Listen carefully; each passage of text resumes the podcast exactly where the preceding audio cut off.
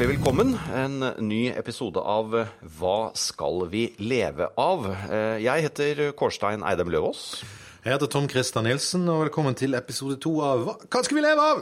Og det er Vi har satt oss et ganske hårete mål når vi sier at vi skal finne ut hva vi skal leve av. Og det er ikke sikkert vi gjør det denne gangen heller, Tom Christer, men vi skal i hvert fall helt sikkert finne ut en del ting vi ikke skal leve av. I tillegg så skal vi, som vi alltid gjør, tilberede kamel. Ja, for vi er på en måte på i diagnosefasen, og da gjelder det å eliminere de tingene som, eh, som det ikke går an å leve av. Det er sant.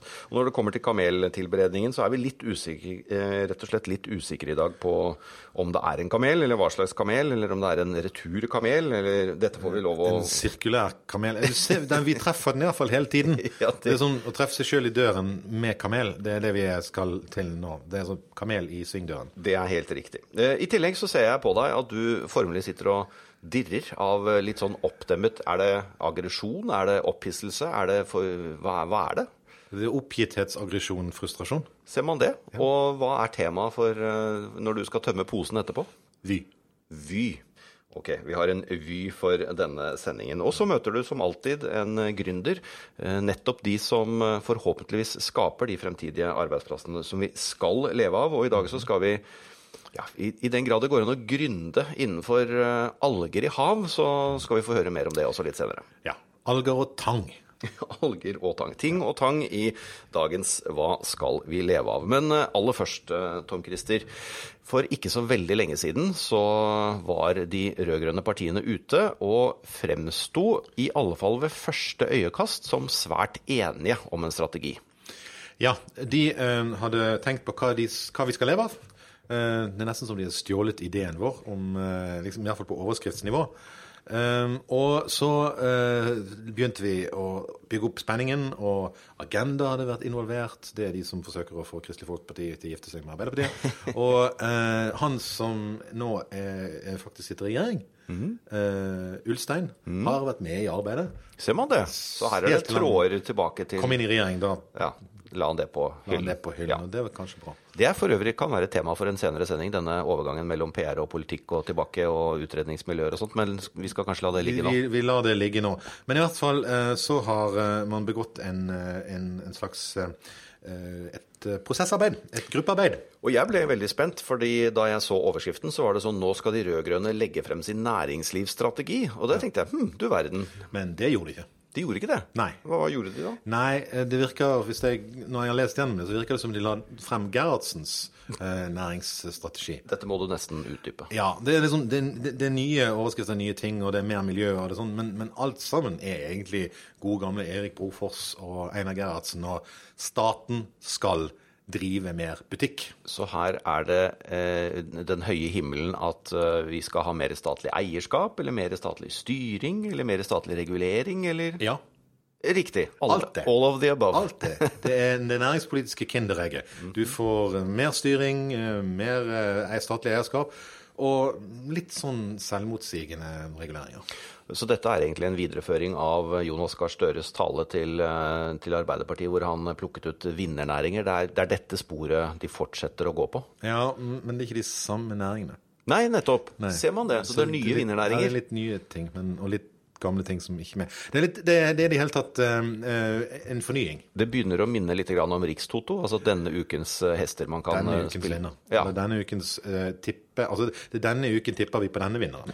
Dagens, eh, dagens dobbel, eller eh, V75 innenfor næringslivet der, altså. Og det er litt morsomme, for en av de tingene vi skal satse på, er faktisk en ting vi ikke produserer i det hele tatt.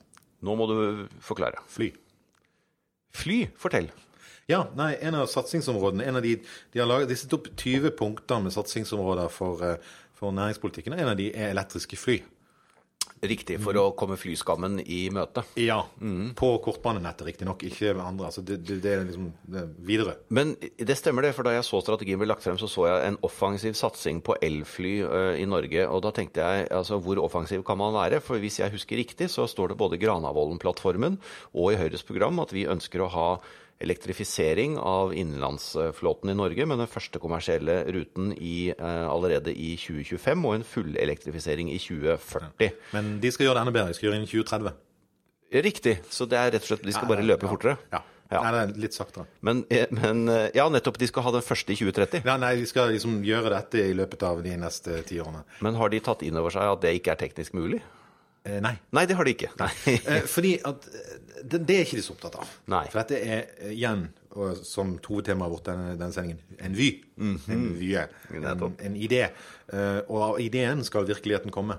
Eh, litt sånn Hva skal vi si Får jeg lov å si det? Kan jeg si det? Ja, du kan si hva du vil. Litt sånn marxistisk eh, tilnærming til virkeligheten. Vi har en idé.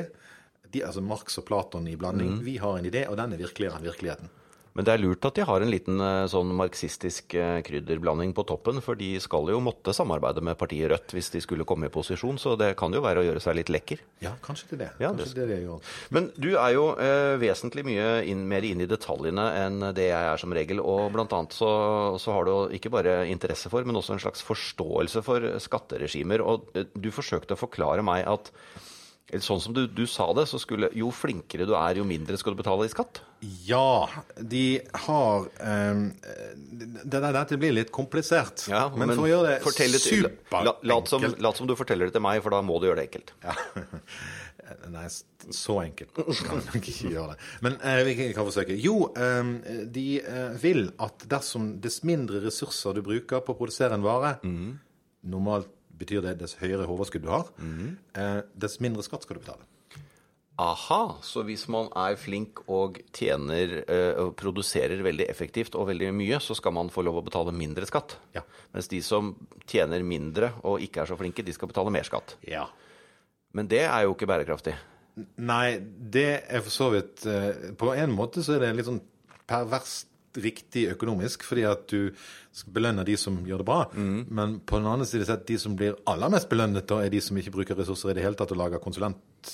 Og det er jo kanskje ikke så rart at det er Agenda som da står bak det her, for hvis du da lager masse sånne Ja, så de- rapporter uten å bruke ressurser Hva, skal vi leve av? Nemlig Ja, konsulentvirksomhet. konsulentvirksomhet, Jeg skjønner. ja. Men jeg tror at hvis, bare tenk tilfellet, da, hvis vi hadde lansert noe lignende fra, en, fra vår regjering, så ville de ha hylt opp og sagt at dette er å ta fra de som har lite, og gi til de som har mest fra før. Det er det jo. Altså, hvis du tar fra de som har stort overskudd, og gir til de som har eh, Nei, hvis du tar fra de som har, eh, går med underskudd eller har lite overskudd, og gir til de som eh, har stort overskudd, mm. så er det jo det du gjør. Men Ja, så kommer det selvfølgelig med noe som biter det hele i halen. nettopp. Fordi en av de virkelig, altså Dette dreier seg også om det grønne skiftet. Og En av de virkelige, altså en av de tingene som er en utfordring, er transport. Men her, i dette forslaget, så er det sånn at hvis du slipper ut mye, så skal du straffes. Med mindre du slipper ut veldig mye. Ja. Da skal du belønnes. Ok. Og det er kan Nei, for hvis du har veldig lang transport, Ja, så skal det bruke skattesystemet til å subsidiere den transporten. jeg skjønner. Jeg tror kanskje det her er en liten refleksjon av at Senterpartiet er et av de fire partiene som er med på denne strategien. Jeg tror muligens det. Ja. Fordi her skal du altså belønne de som slipper ut lite, og straffe de som slipper ut lite. Mm, ja, nettopp. Eh, og så skal du liksom belønne de som slipper ut mye, og belønne de som slipper ut lite. Altså, egentlig så er det definisjonen på en næringspolitikk uten retning.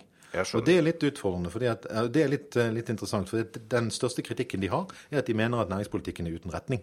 Så, eh, for dette er jo Miljøpartiet De Grønne, det er Arbeiderpartiet, det er Sosialistisk Venstreparti, og det er Senterpartiet som står bak Nei, denne. Men Miljøpartiet De Grønne er vel ikke med. er de ikke med, de? Nei, jeg tror ikke de er med. Nei, riktig, der kan du se.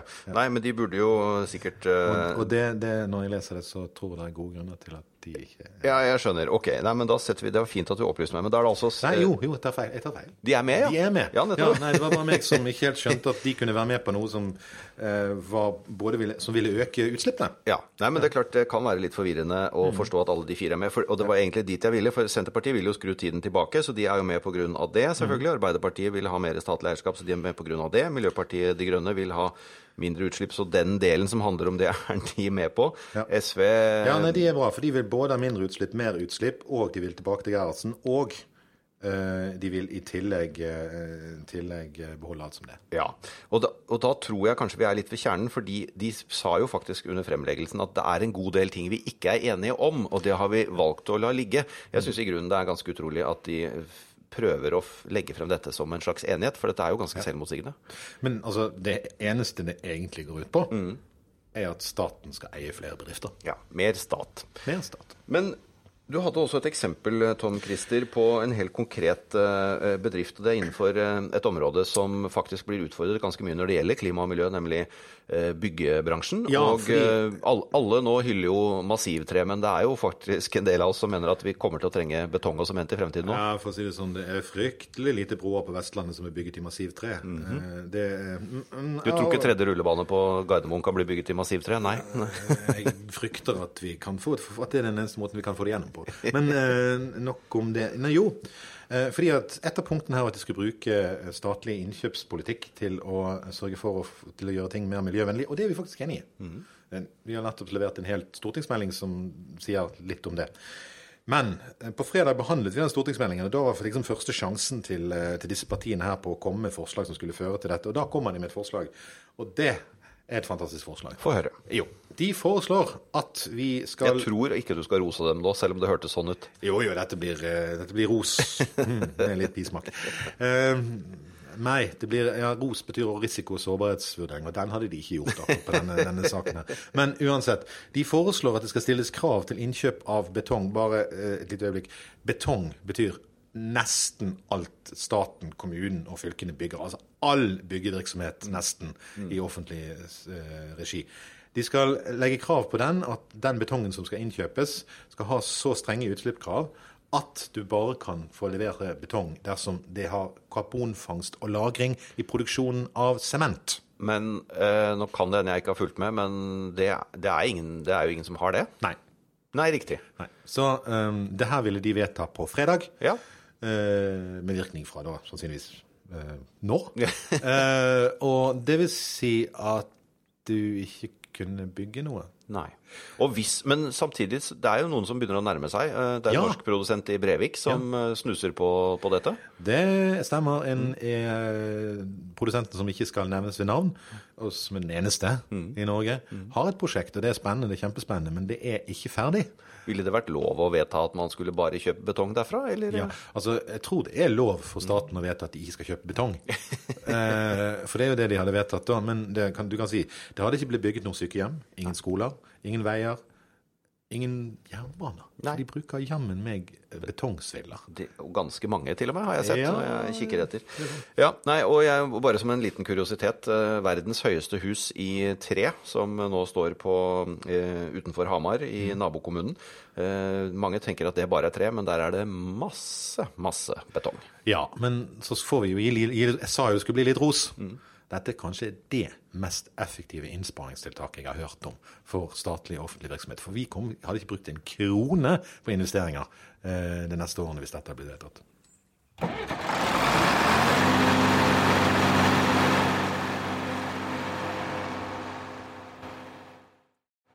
Vi pleier å forsyne oss med litt kamel når vi har eh, samtalene våre, Tom Christer. Det er rett og slett noe så, Uff, ja.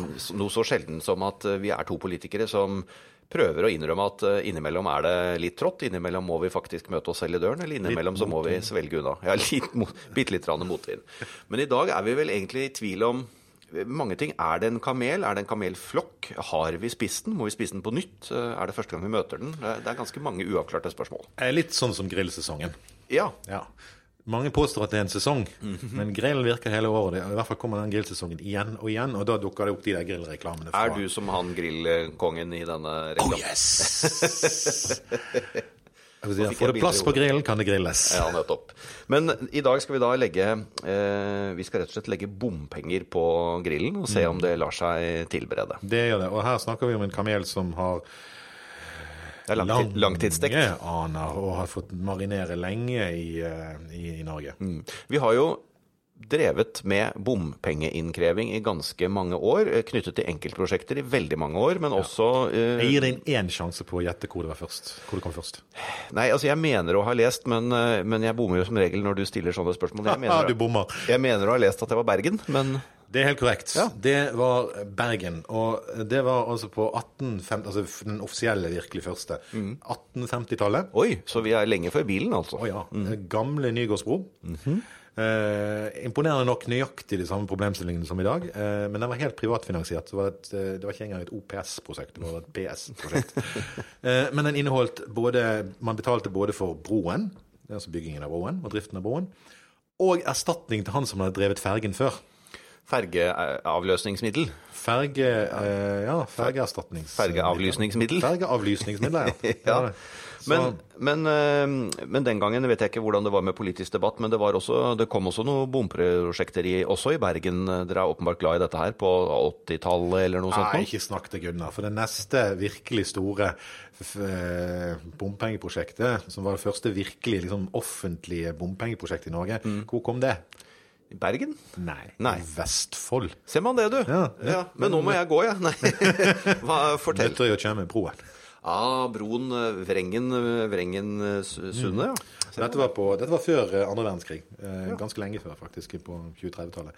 Så, eh, så der, der startet det virkelig. Ja. Vi, vi bare hadde en forstudie. Vi skal ikke si at det startet andre verdenskrig, men, men bompro bomprosjektene har altså politisk sprengstoff i seg. Det ser vi jo nå over store deler av landet, hvor mange partier dukker opp mange steder med egentlig bare én sak, nemlig at de er mot bom. Og det er særlig bomringer at eh, man er mot. Fordi det er vel ingen hemmelighet at Høyre i mange, mange år har vært svært skeptisk til eh, bompengefinansiering, men over tid marinert og stekt kamelen lenge nok til at vi har funnet ut at det er måten, en av måtene vi finansierer veier på i Det er sånn, sånn når du spiser noe som det sånn når du lærer å drikke kaffe eller øl. Er sånn, det, eller når du begynner å røyke. Altså, det har jeg aldri gjort. Eh, Jeg håper det aldri skal skje. Det finnes mye billigere hobbyer å drive med som er mindre farlig. Men eh, det er liksom sånn at du, den første du tar, er skikkelig dårlig. Og ingen kan komme her og innrømme at den første røyken, den første kaffekoppen, den første ølen de har drukket, var god. Nei. Nei. Nei, Men kanskje- så ble de bare vant til det. Ja, men det blir aldri ordentlig godt. Så jeg har egentlig lyst til å kanskje Det er mer som rakfisk, kanskje. At uh, til slutt så begynner noen å like det, men det lukter fortsatt ganske ille. Det er ikke mulig å like.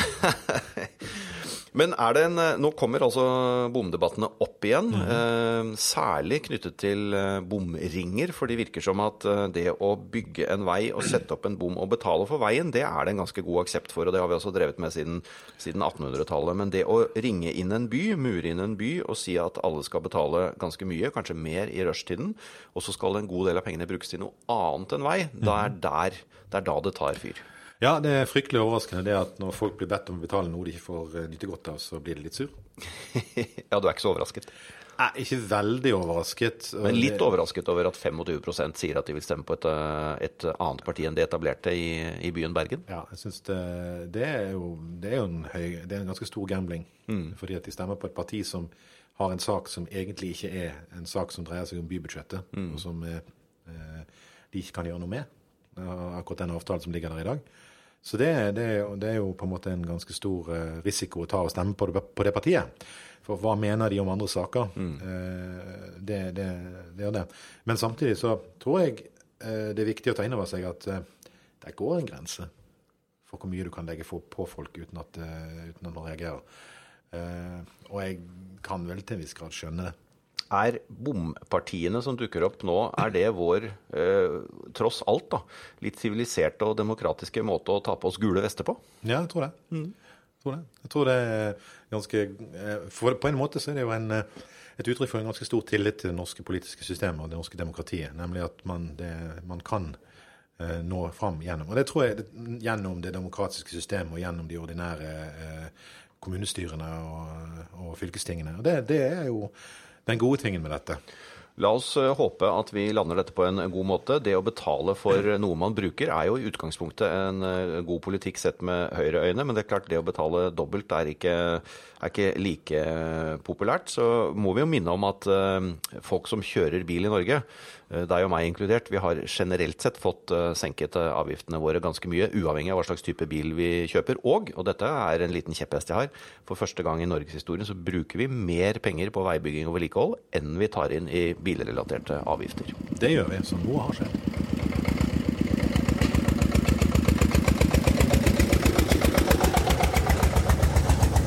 Vi snakket om bompenger, eh, Tom Christer, og eh, da lærte du meg at det første bompengeprosjektet var på Vestlandet, i bergenstraktene på midten av 1800-tallet. Men eh, vi skal fortsatt holde oss på Vestlandet, men vi skal veldig mye lenger tilbake i tid.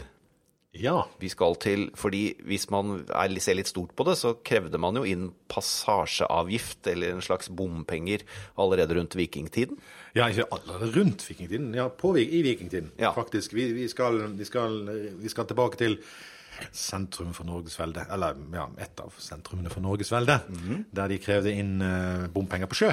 Og da er vi i Harald Hårfagres eh, tid. Du fikk ingenting igjen for de bompengene. Det, å nei, det gikk rett til kongen. Det gikk Eller- rett i kassa. ja, det, Sånn som mange mener at det gjør nå. Ja. Eh, og da er vi altså i eh, eh, Rogaland. Ja. La oss nå eh, for et øyeblikk Vi er på toppen av Karmsundet bro. Ja. Der er vi. Der blåser det. Vi, du og jeg sto jo der for noen uker siden, og det var en vakker utsikt. Eh, det var veldig mye vind. Det har jeg, jeg fikk veldig inntrykk av at det er det stort sett der. Kanskje ikke helt uten grunn at NVE har pekt på det området bak det området der som et av de best egnede for vindkraft. Ser man det. Men vi snakker om kraft, og vi snakker Ja. om Karmsunde bro. For hvis man ser seg rundt der, så selv om det ikke er vindkraft du ser akkurat nå, så ser du ganske, ganske mye kraft. Mye, det, er mye, mye, pot- det, er det er potent. Ja, Her oppe så ser du liksom utover kanskje mer eh, verdiskapning enn noe sted i Norge. Du ser eh, Norsk Hydro. Eh, du ser en fabrikk som driver med, med rett og slett med tang og tare og produserer alger. Du ser skipsverft. Du ser oljeplattformer.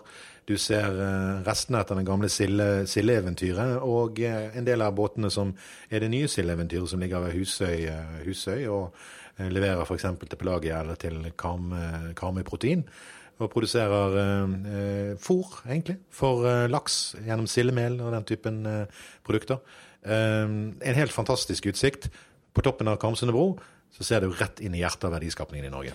Og skulle du vite om et annet sted i Norge hvor du ser mer verdiskapning bare ved å snu deg 360 grader rundt, så må du gjerne si fra til oss, så skal vi komme og, og, og se med selvsyn. Men Ja, nå men det fins jo. Ja, du gjør det, ja? Ja, ja. ja men jeg tenkte dette skulle liksom være en lytterutfordring, men Å ja, ja, ok. Ja, ja. ja nei, men, La oss se om noen nei, 360 grader, du har rett. For hvis du står på fløyen og, og, og snur deg 180 grader, så er det mer verdi, like mye verdiskapning på 180 grader der som det er 360 grader. Ja ja, ok. høres uansett eh, ut som en utfordring som, eh, som folk er velkommen til å ta. Men du nevnte så vidt fra Karmsundet bro, så eh, var stikkordet tang. Vi skal møte en gründer også denne gangen. Og det er mulig å være gründer innenfor algevirksomhet. Vær så god. Ja, hvem er du? Ja, mitt navn er Hans Henriksen Marquis. Eh, Ja, og hva driver du med? Jeg er en biolog på Haugalandet ja. som driver med mikroalger. Hva er en mikroalge for noe?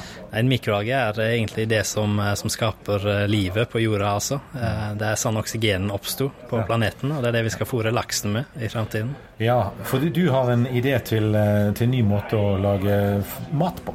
Ja, det handler egentlig om å, å gjøre avfall til en ressurs, Ja. og hente ut næringsstoffene. Og det gjør du på hvilken måte? Nei, Det gjør vi ved hjelp av mikroalger. Eh, Mikroalgene de bryter ned og tar opp de næringsstoffene de trenger, og skaper mat. Hva er maten til mikroalger? Det er avfall. Det er avfall. Ja. Så du får, eh, du får avfall inn, og så får du eh, karbondioksid eh, inn, og, og får, hva får du ut igjen?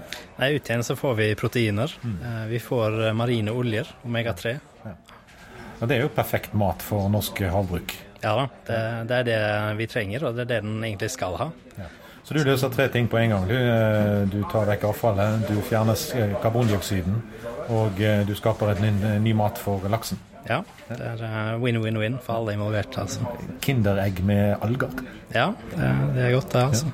Men hvordan ser disse algene hvordan ser de ut? Det, jeg har et glass her. Klarer du å beskrive eh, dette? Dette er tørket eh, Ja, dette er tørkede mikroalger, og det er et, et grønt pulver, altså. Ja. Det er, Det ser, ut som, det ser nesten som sånn Jeg fikk en gave av en uh, islandsk venn. Han hadde tatt noe sånn uh, vulkanaske fra Island. Det ligner, ligner litt grann på det. Ja? Eller på ja. Det er faktisk ikke så dumt. Det er flere som snakker om at du faktisk kan fôre dem med aske. Ja, Ja, For det er mye karbon i Ja, asken. Ja.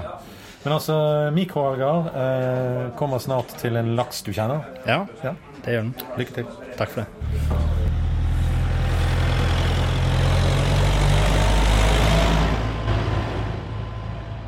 Tom Christer Nilsen er eh, blant dem jeg kjenner som er flinkest til å gå i ganske lang tid og lagre opp. eh, Og lagre opp frustrasjoner, lagre opp opphisselse og lagre opp eh, tanker rundt en helt konkret utfordring. Og da er det godt å ha en kanal og slippe det ut. Vær så god.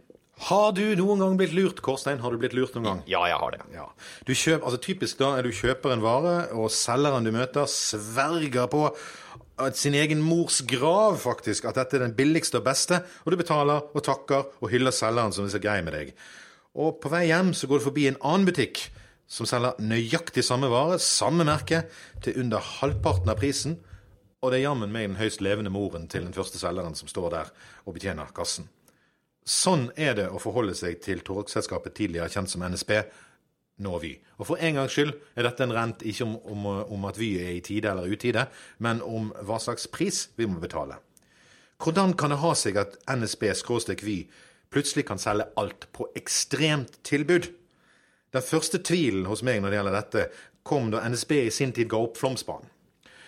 Et nystartet selskap uten noe som helst erfaring med togdrift overtok, riktignok deleid av NSB, og det ble en kjempesuksess. Så stor var suksessen at NSB ville ta banen tilbake igjen.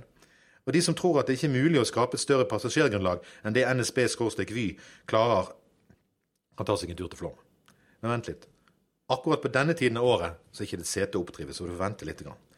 Så kom Sørlandsbanen, eh, eller rettere sagt, der gikk toget. Og Vy ble stående igjen på stasjonen, eller på perrongen. De slo av 60% på prisen. 60 Go-Ahead leverte et enda billigere tilbud. Kanskje ikke så rart, det er et selskap som har konkurrert hardt og lenge.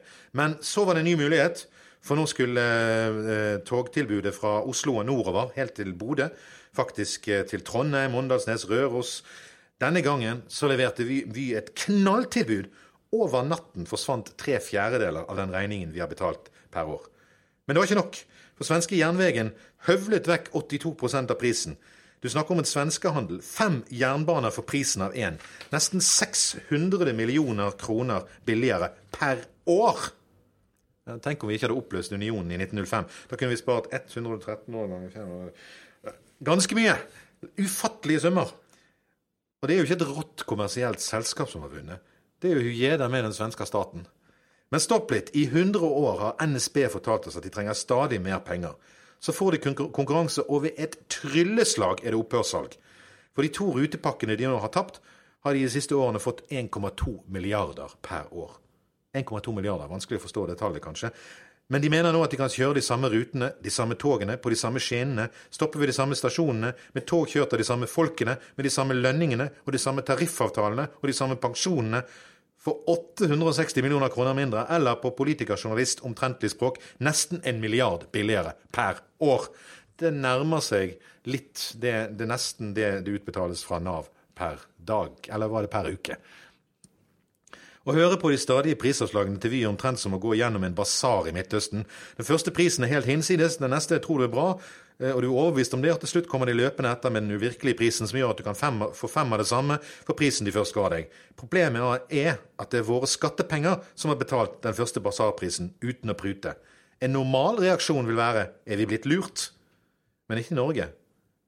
Sånn som vi er, så er det isteden sånn at mange sier at vi blir lurt. Ikke at vi har blitt lurt. For den høye prisen må jo være den rette. Men den er ikke det. Vi har betalt altfor dyrt for tog i Norge altfor lenge. Og det er ikke jeg som mener det. Det er Vy som mener det. Da er det tre ting vi bør vente på, tenke på. Hvor mye tog kunne vi kjørt egentlig om prisen hadde vært så lav hele tiden? Og hvor mye kunne vi spart i utslipp da? Og litt uhøytidelig why, why, Vy? Eller var det bye bye, Vy? Og ja, hvorfor i huleste heiteste har ingen utsatt de for konkurranse før? Dette toget eh, nærmer seg eh, perrongen og endeholdeplassen for eh, denne episoden. Jeg heter Kårstein Eidem Løvaas. Jeg heter Tom Christer Nilsen. Som dere skjønner, så leter vi fortsatt etter hva vi skal leve av.